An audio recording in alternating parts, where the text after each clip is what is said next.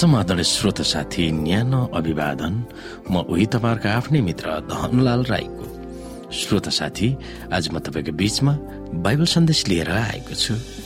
आजको बाइबल सन्देशको शीर्षक रहेको छ कि उहाँको प्रतिज्ञा सदाको निम्ति असफल वा बेकारको हुन्छ र?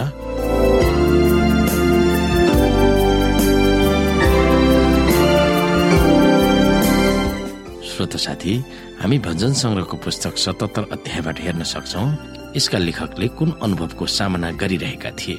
आउनु श्रोता हामी यहाँ एकदेखि हेरौँ। मैले सहायताको निम्ति परमेश्वरलाई पुकारा गरे। उहाँले मलाई सुनुन् भनेर मैले परमेश्वरलाई पुकारे। मेरो दुःखको घडीमा मैले परमप्रभुलाई खोजे। राति नथाकी मेरो हात पसारे अनि मेरो प्राणले सान्त्वना ग्रहण गर्न चाहेन। हे परमेश्वर मैले तपाईँलाई सम्झेर अफसोस गरे। मैले चिन्ता गरेर मेरो आत्मा शिथिल भयो। तपाईँले मेरो आँखा लाग्न दिनु भएन म यति दुखित भएँ कि बोल्न पनि सकिनँ। बितेका दिनहरू धेरै पुराना वर्षहरूको मैले सम्झना गरेँ। राते मैले आफ्ना गीतहरू सम्झेँ। म ध्यानमा बसेर मेरा आत्माले यो सोध्यो कि परमेश्वरले सदाको निम्ति इन्कार गर्नुहुन्छ र? उहाँले फेरि कहिले निगाह राख्नुहुन्न? कि उहाँको अचुक कृपा सदाको लागि भेटिएको छ? कि उहाँका प्रतिज्ञाहरू सदाका निम्ति समाप्त भएका छन्? कि परमेश्वरले दया गर्न बिर्सिनु भएको छ के रिसाएर उहाँले आफ्नो कृपा दृष्टि बन्द गर्नुभएको छ। अनि मैले सोचेँ यस कुरामा म अपिल गर्छु। सर्वोच्चको दाहिने बाहुलीका वर्षहरू परमप्रभुका कार्यहरूको म स्मरण गर्नेछु। निश्चय नै विगतका तपाईँका आश्चर्य कर्महरू म सम्झनेछु। म तपाईँका सबै कामहरूमाथि मनन गर्नेछु र तपाईँका सबै शक्तिशाली कार्यहरूमाथि चिन्तन गर्नेछु। हे परमेश्वर तपाईँका मार्ग पवित्र छन्। हाम्रा परमेश्वर चाहिँ महान देव अरूको छ र तपाईँ आश्चर्य कामहरू गर्ने परमेश्वर हुनुहुन्छ। तपाईँ आफ्नो सामर्थ्य मानिसहरूका बीचमा प्रकट गर्नुहुन्छ। तपाईँले आफ्नो बाहुलीको शक्तिले आफ्नो मानिसहरूलाई उद्धार गर्नुभयो। याकुब र यौसेपका सन्तानहरूलाई हे परमेश्वर समुद्रको पानीले तपाईँलाई देख्यो। जब पानीले तपाईँलाई देख्यो त्यो मडारियो। अथाह सागर कम्पायमान भयो।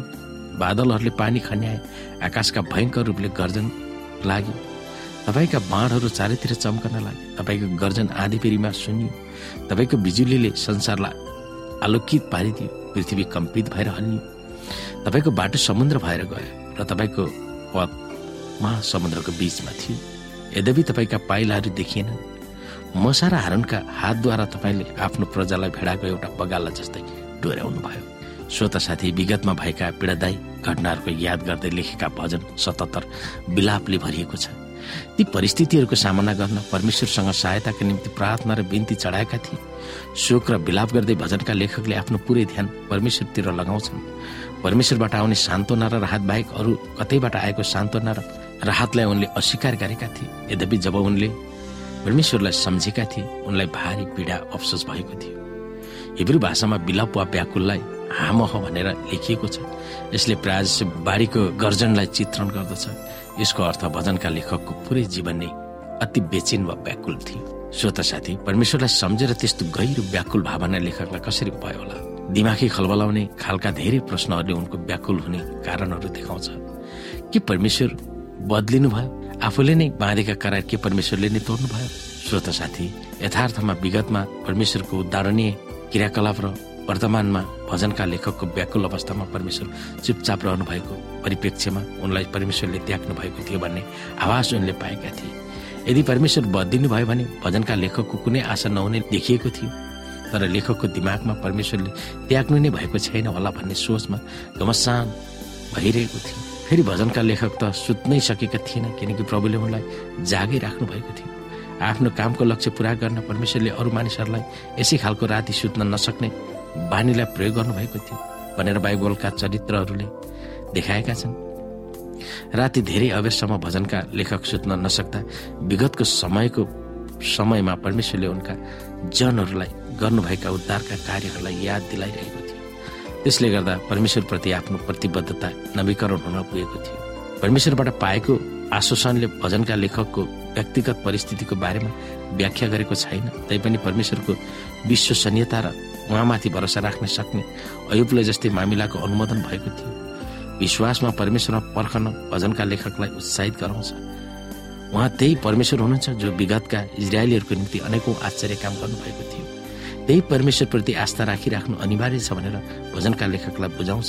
भजन सङ्ग्रहका लेखकले यो पनि महसुस गर्दछन् कि दुःख कष्टमा परमेश्वरका पाइलाहरू नदेखिए तापनि विषम परिस्थितिमा उहाँको अगुवाई हुन्छ भन्ने उनले विश्वास गर्न पुगेको थियो।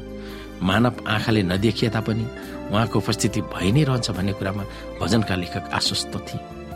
परमेश्वरले आफ्नो अस्तित्व विभिन्न तरिकाले प्रकट गर्नुभएकोले उहाँका रहस्यमय र सार्वभौम तरिकाहरूको स्थिति प्रशंसा भजनका लेखकले व्यक्त गर्दछन्। श्रोता साथी तपाईँ हाम्रो विगतका जीवनमा प्रभुले गर्नुभएको कामको बारेमा हामी सोच्न सक्छौँ। तपाईँ हामीले जहिले जे सामना गरिरहेका छौँ विगतको सत्यताले हामीलाई कसरी सहयोग गर्न सक्छ त्यो विषयमा सोच्न सक्दछौँ।